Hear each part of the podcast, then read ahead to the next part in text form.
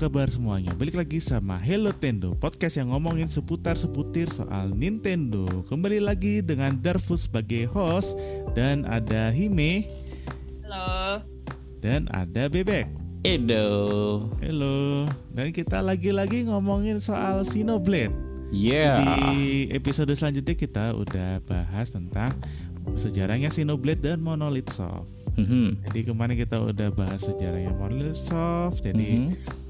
Singkatnya Monolith Soft udah pindah-pindah publisher ya dari Hmm. Square ke Pindah terus Namco, dia. Kemudian ke Nintendo. Mhm. Lalu kita juga udah bahas tadi ya apa awal tentang Rock Resident Fall juga ya. Betul. Bahwa kampanye untuk melokalisasi Xenoblade dan game RPG di lainnya. Mhm. Dan kemudian sekarang kita bahas apa nih? Ada Sekarang. yang ini mau yang dibahas dulu, Bek? Sekarang kita mau bahas soal lanjutan dari kemarin. Enggak sih, enggak ada lanjut aja. Jadi kayak summary aja kan Ya tadi mungkin ada ketinggalan ya. ketinggalan ketinggalan. Ketinggalannya ya ya sedikit sih sebenarnya kita eh, nambahin eh bukan nambahin tapi kayak summary-nya gitu kan. Setelah sama sama Nintendo tuh Monolith Soft ngapain aja sih? Dia udah bikin apa aja gitu kan. Dia udah bikin Xenoblade Chronicles gitu kan yang rilis di Wii 2010 gitu kan. 2015 dia bikin Xenoblade Chronicles-nya di port ke Nintendo 3DS tapi itu khusus New 3DS aja karena prosesornya lebih kenceng di New 3DS. Kalau yang 3DS reguler nggak bisa. Iya nggak bisa. Ah, dan di tahun yang sama mereka rilis juga game baru namanya Xenoblade Chronicle X di Nintendo Wii U. Lumayan sukses dengan rilis dengan salesnya yang ya hampir sejuta ya 800 800 ribu unitan gitu. Lalu di 2017 bener-bener ah, ini menurut gue Nintendo apa Xenoblade dari Xenoblade Chronicles kedua ini tuh bener-bener kayak mereka adjust banget nih kayak Adjust. adjust visualnya. Hmm. Adjust visualnya di mana di Chronicles 2 yang itu rilisnya di tahun 2017 di tahun yang sama di mana uh, Nintendo Switch rilis Iya. itu ada tiga game eh iya benar tiga game yang menjadi game apa ya eh Game bentar wajibnya Switch game gimana? wajibnya Switch benar ada BOTW ada Mario bentar, Mario Odyssey? Mario Odyssey di tahun itu juga ya oh iya tahun itu betul. juga mereka berdua berantem di be- apa di GTY GTY. GTY 2017. nah, ini satu, GTY 2017. satunya mengalah. Iya satunya Mangal Dan ada si Xenoblade Chronicles 2 Yang Nah, tadi gue iya. sebut Di mana ini perubahannya cukup masif ya Di mana kalau kalian lihat-lihat Xenoblade Chronicles 2 tuh lebih anime gak sih? Iya, lebih anime. Iya.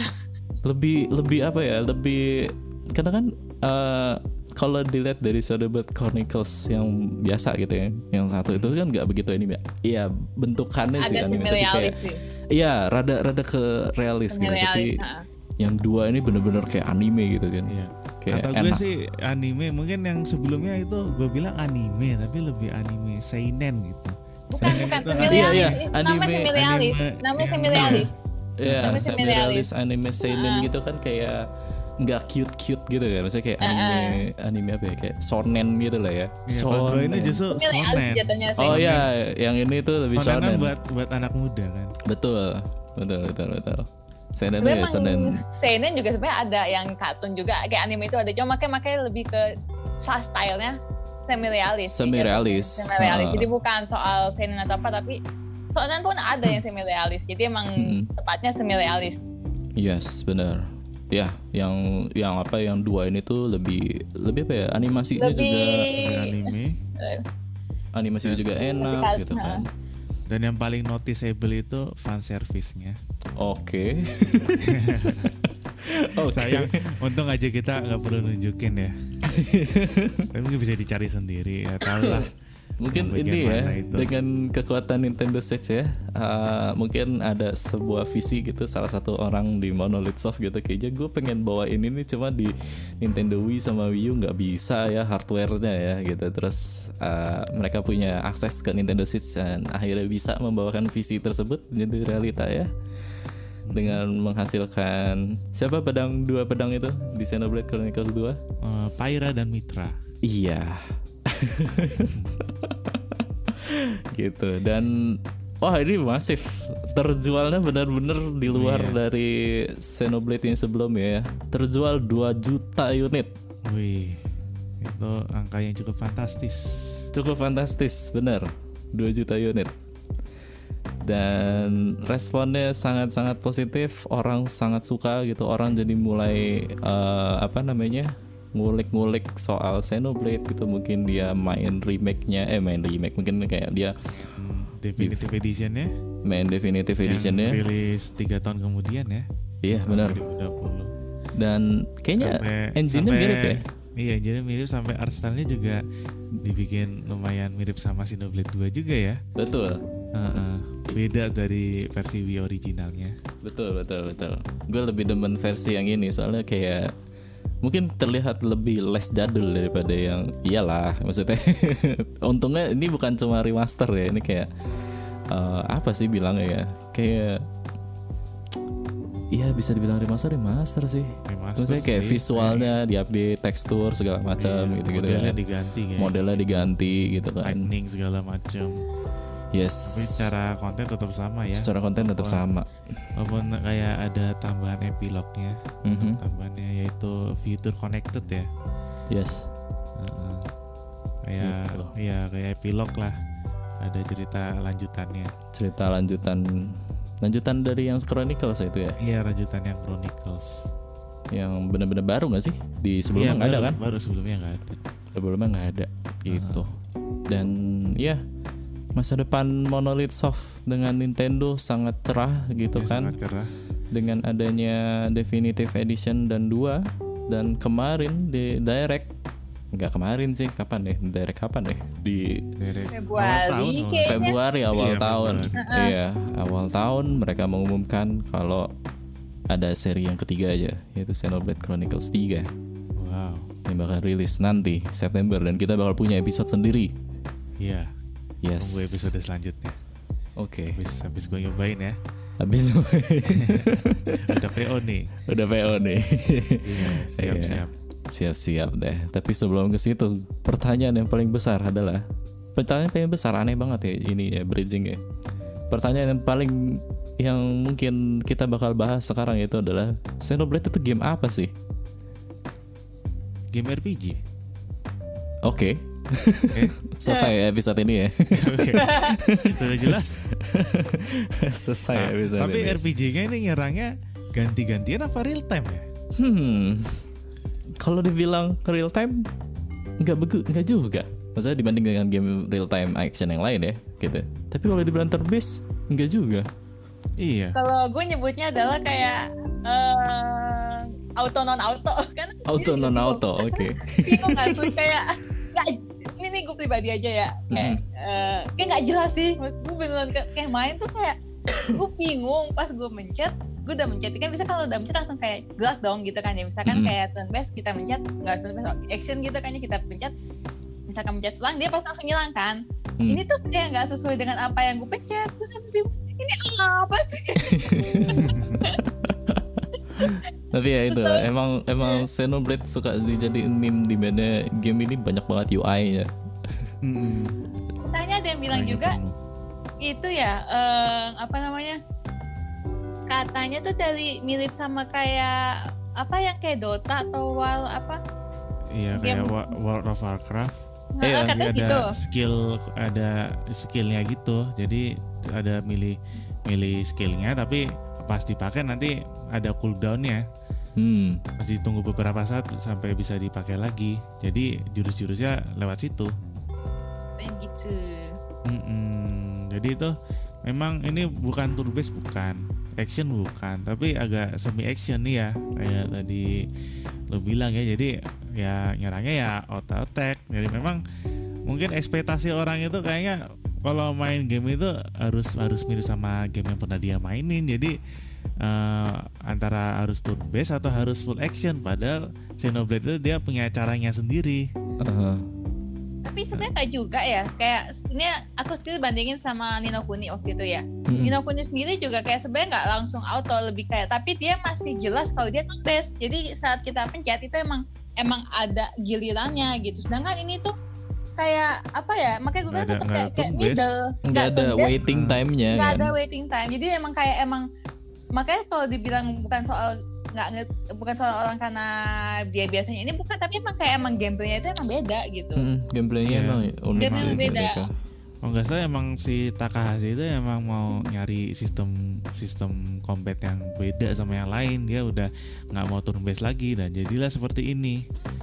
Yang memang semua seri Xenoblade itu sistem battle-nya memang nggak jauh-jauh dari sistem battle ini. Sistem semi action gini auto attack Yes, bener. iya. Jadi Iya. sebenarnya kalau ya harus dicoba sih kita nggak bisa nggak bisa ngejelasinnya kayak gimana mungkin nggak nggak bisa kebayang juga mesti dicoba juga. Mm, tapi sebenarnya kalau dicoba nggak susah kok gameplaynya. Soalnya gimana ya ini kalau di Xenoblade itu kalau misalnya lu mati itu nggak hukumannya gitu nggak nggak berat nggak kehilangan uang nggak kehilangan waktu mm. Cuma kalau kalah itu lo dibalikin ke checkpoint sebelumnya. Jadi kalau lo masih familiar lah sama sistem battle ini lama-lama juga sebenarnya kebiasa. Kebiasa. Gamenya nggak nggak- susah sebenarnya. Hmm. Ngikutin story ya tinggal tinggal ikutin aja pointernya ke mana nanti storynya unfold kemudian lanjut kalau battle ya ini aja se- sebagai selingan aja buat nge-grinding juga. Nggak nggak susah kok tinggal dicoba aja terus nanti pasti terbiasa. Emang gue juga gitu kok. Ini gue juga awal-awalnya bingung mainnya kayak gimana tapi sambil nungguin storynya lama-lama nanti paham sendiri. Hmm, iya sih, benar-benar benar-benar. Ya mungkin karena kebawa sama project yang mereka bikin mereka yang dia bikin dulu sebelumnya gitu kan. Kayak si Final Fantasy 6 kan gitu kan gameplaynya kan nggak gimana ya dibilang turn based turn based gitu kan tapi itu kan. iya kayak nunggu gitu sistemnya Iya, rada real time semi real time semi semi turn based gitu lah ya. Gimana sih? Iya udah gitu. nonton deh iya auto auto jadi kayak auto tapi Iya. nggak auto gitu Iya. kita tetap pencet tapi kayak nanti akan otomatis nyerang cuman kayak telat gitu jadi makanya kayak gue selalu nyebutnya auto auto Iya. Kita secara resmi bilang gameplaynya Xenoblade itu auto-auto ya, auto not auto ya.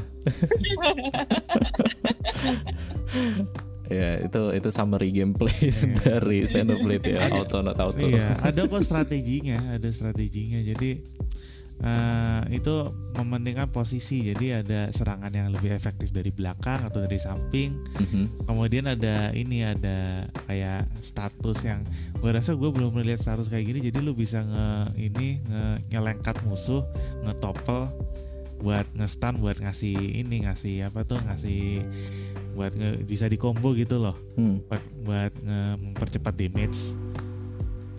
Jadi di situ strategi strateginya ada di situ.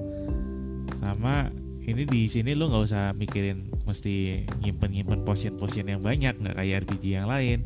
Soalnya kalau udah tamat battle langsung darahnya langsung full. Darahnya langsung full. Iya, jadi lo nggak usah mikir kayak ini potion potion yang nge-revive semuanya ini kagak jangan gua pakai ah sampai sampai tamat.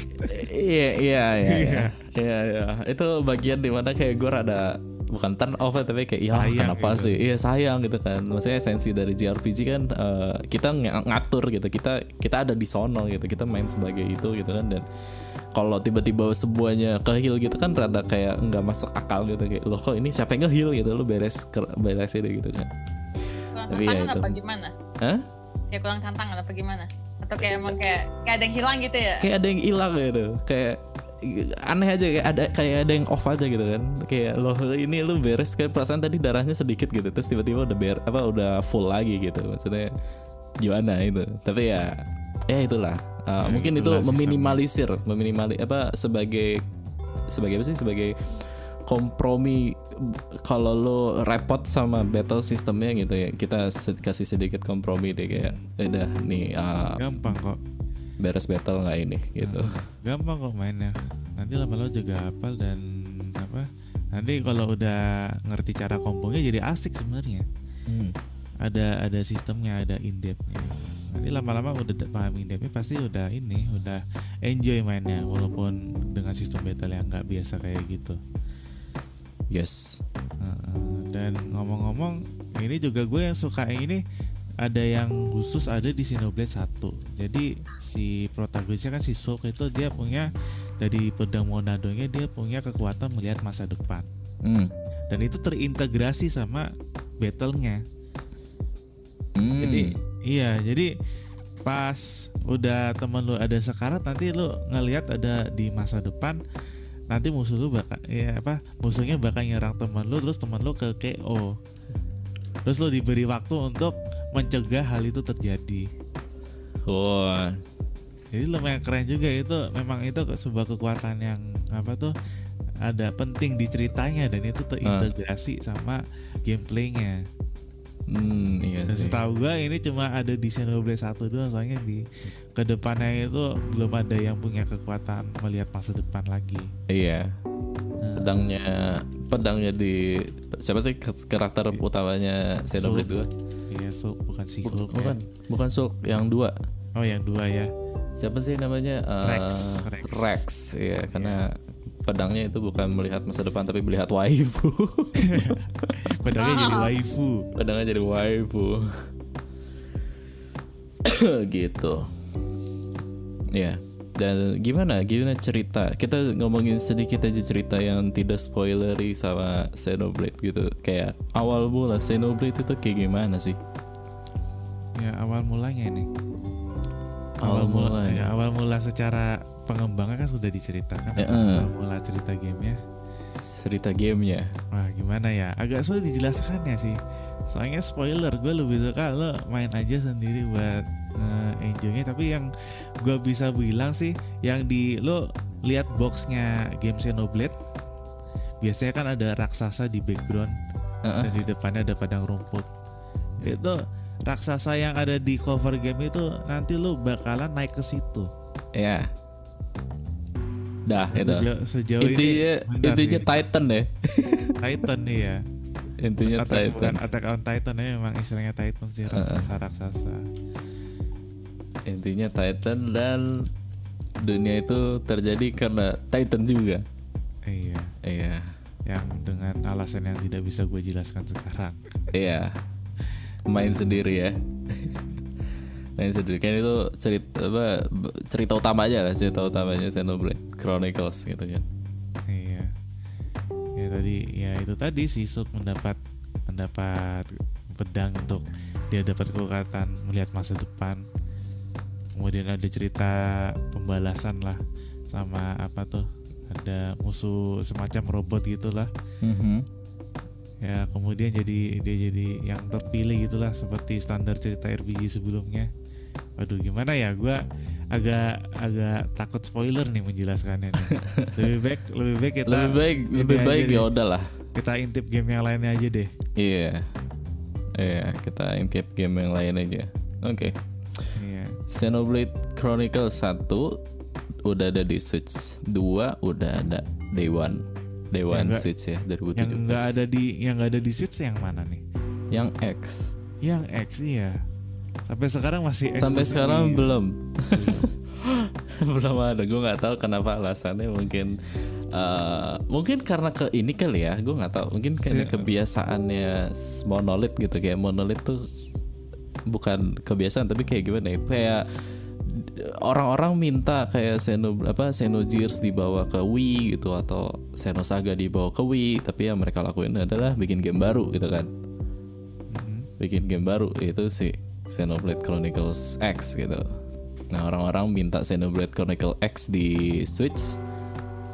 Munculnya Xenoblade Chronicles 2 gitu jadi kayak mungkin mereka lebih oke lebih seneng dia bikin game baru ketimbang bawain game yang lama terus dibawa lagi ke yang sekarang gitu Ya gue setuju sih sama pemikirannya. ngapain ngapain ya? ini ngapain game lama kalau bisa bikin game baru. Iya. ini sih kalau aku bilang ya kalau yang Xenoblade 1 itu sebenarnya kan belum laku-laku banget ya Hmm. kayak di Wii kayak masih kayak orang-orang yang kayak tadi kita kemarin kita bahas itu adalah eh, yang Amerika sendiri masih belum aware sama eh, siapa itu namanya si Si Xenoblade satu. Hmm. kemudian pindah ke Wii U juga Wii U kan tahu sendiri flop Mm-mm. kan Mm-mm. kemudian 3DS itu cuma ada di eh, new to DS yang beli nggak banyak. 3DS. Mm-mm. Jadi juga- emang kayak Hmm. Emang kayak apa namanya? Emang Mal- eh Mario. si Mario bukan Mario. Mario, Nintendo. Loh, kenapa tiba-tiba ada Mario? Enggak, ini nama lain maksud gue yang gue pengen sebut tadi saat. Nyebut apa? Enggak, enggak. Jadi Nintendo eh, kayak masih berusaha untuk kayak pengen ngejual si Xenoblade ini gitu. Makanya akhirnya dibawa lagi lah. Dari efek Smash Bros kan? Dari Enggak, FX lebih Iya. lebih kalau gue pengen emang pengen kayak apa ya? Kayak ngerasa ini game sebenarnya bisa kejual, tapi belum se- belum bisa Belum maksimal. berani. belum berani, belum, Belum ini. Jadi dia, berani. hmm, Iya, iya, iya. Ya, iya. tapi kata gue ya emang dari Smash Bros karena belum lama setelah setelah ada sok diumumkan ada portnya Xenoblade di 3DS pas itu Uh-uh. di tahun 2015. Iya, iya. Iya. Ya, ya lihat Emang dari ini biasanya sih. biasanya Smash Bros itu buat tempat iklan loh. Buat Naruh kartu Fire Emblem nanti beli ya gamenya. Eh, Ini naruh karakter Xenoblade nanti beli ya gamenya. iya, Gitu. benar benar benar. Benar-benar iya, game-game live service kayak gitu emang cocok banget dijadiin tempat ngiklan gitu kan. Iya. Tapi eh, ya mungkin mungkin eh, mungkin gue rada setuju juga sama Putri di mana kayak mereka masih belum berani gitu ya. Maksudnya belum berani dalam konteks kayak oke lah, kayaknya orang lebih oke untuk nerima game baru daripada game lama dibawa ke yang ke konsol baru gitu kan karena mungkin game lama yang di di port gitu atau di remaster atau segala macam ya yang yang ma- yang mau doang gitu yang pengen doang gitu. Ya mungkin kalau misalkan ya misalkan nih misalkan di Xenoblade orang-orang mau Xenoblade Chronicle X dibawa ke Switch ya cuma 800 ribu orang aja yang mau gitu. Tapi kan Nintendo maunya yang jutaan-jutaan gitu kayak si Xenoblade Chronicles 2 gitu kan yang bisa nge-generate 2 juta unit gitu kan. Itu kan orang-orang baru nih gitu kan. Orang-orang baru yang oh ini apa nih Xenoblade? gitu, gitu segala macam. Nah mungkin mungkin karena itu juga jadi kayak oke lah lebih lebih lebih lebih priority kita bikin game baru daripada bawa ini. Nih coba dengan dengan kemarin ada Xenoblade Chronicles 2 salesnya gede gitu kan. Terus yang tiga sekarang ditunggu-tunggu sampai mereka pindahin tanggal rilis yang tadinya September eh yang tadinya ya yang tadinya Yang September, tadinya jadi September jadi Agustus Juli. Jadi oh jadi Juli. Juli iya jadi Akhir Juli. Juli ini. itu jauh banget loh dua bulan gitu kan di mana yang lain pada ngedelay ini ngemajuin gitu kan berarti kan ada wordsnya nih kayak pasar nih kayak oh gue pengen banget main ini lebih duluan gitu kan bahkan Animal Crossing aja juga sempat kayak gitu tapi kan buk, apa maksudnya kayak nggak dikasih sama Nintendo kayak udah rilis tanggal segini aja gitu gue nggak bakal majuin gitu walaupun orang-orang kayak pada pengen banget tapi Xenoblade nih gitu. Nggak tahu masih belum tahu alasannya kenapa dipindahin atau emang cuma sekadar kayak eh Splatoon kita belum rilis kayak pindahin aja deh tapi ini Kayak- Xenoblade kayak- udah kayak belum rilis siap sih. iya mungkin kan bisa jadi kayak gitu dibantu ya nama Xenoblade. Heeh. Udah deh gua ngambil gua ngambil slot lu deh, lu nggak apa-apa. Iya bisa bisa kayak gitu kan. Jadi eh, ya udahlah eh, apa namanya kemungkinannya ya kemungkinannya kita bisa lihat lagi nah apa title title lama gitu karena fanbase udah mulai kebentuk nih gitu setelah dua dan tiga gitu. Jadi kayak orang jadi penasaran. Udah jadi seri flagshipnya Nintendo juga. Iya, iya. Mungkin nanti bakal ada inisiatif dari Nintendo gitu, ber, apa ngobrol-ngobrol sama Square Enix gitu. Mungkin boleh nggak ini Xeno Xenogears dibawa ke Switch gitu, atau uh, Xenosaga-nya boleh nggak dibawa ke apa namanya ke Switch juga gitu? Itu di sama. Namco tapi. Iya itu yang satunya lagi sama Namco tapi gitu. Ya, gitu sih. Heeh. Jadi kalau Namco itu juga udah udah kayak udah Nintendo udah ngomong ngomong sama Namco juga sih. Jadi ada collab tuh di Xenoblade 2. Ada cameo-nya Cosmos Hmm. sebagai salah satu salah satu ini Blade. Jadi kita belum belum jelasin ini ya sebuah mekanik gameplay mekanik di Xenoblade 2 Oh, sistem Blade itu. Jadi ini Blade itu adalah ngegacha ngegaca. Ngegacha tapi lo nggak nggak usah nggak usah keluar nggak usah keluar duit microtransaction cuma beli beli gamenya ya cuma ini buat ngerollnya ini ada ada resource di game ini dan itu mirip mirip banget sama gacha jadi gacha offline lah Gacha offline.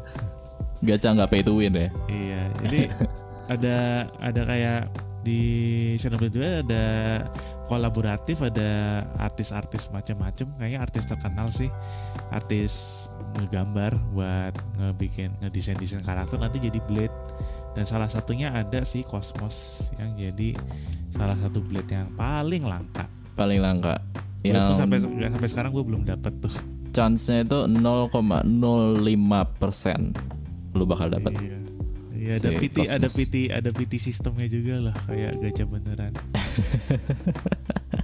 Lucu sih jadi apa namanya jadi setiap lo misalnya lo main ulang nanti lo ngegacha pasti dapetnya beda beda karakter lagi.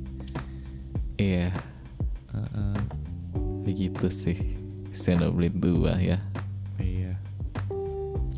Oke, Em, kita udah bahas lumayan banyak ngomongin soal gameplaynya Xenoblade itu kayak gimana, terus summary Xenoblade eh apa eh, Monolith Soft sama Nintendo kayak gimana gitu kan, ke depannya nanti Xenoblade 3 kayak gimana?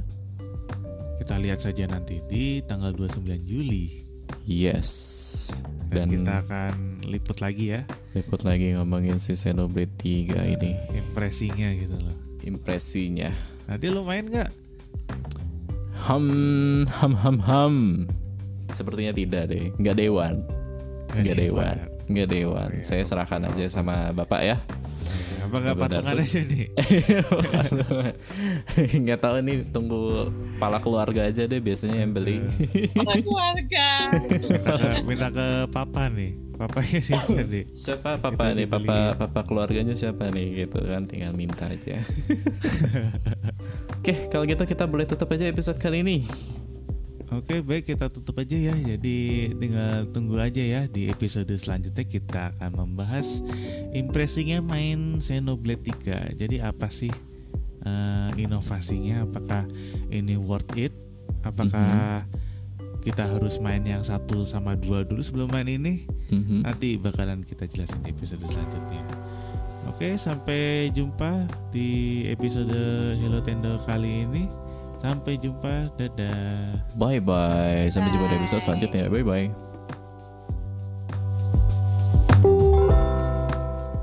Bye bye.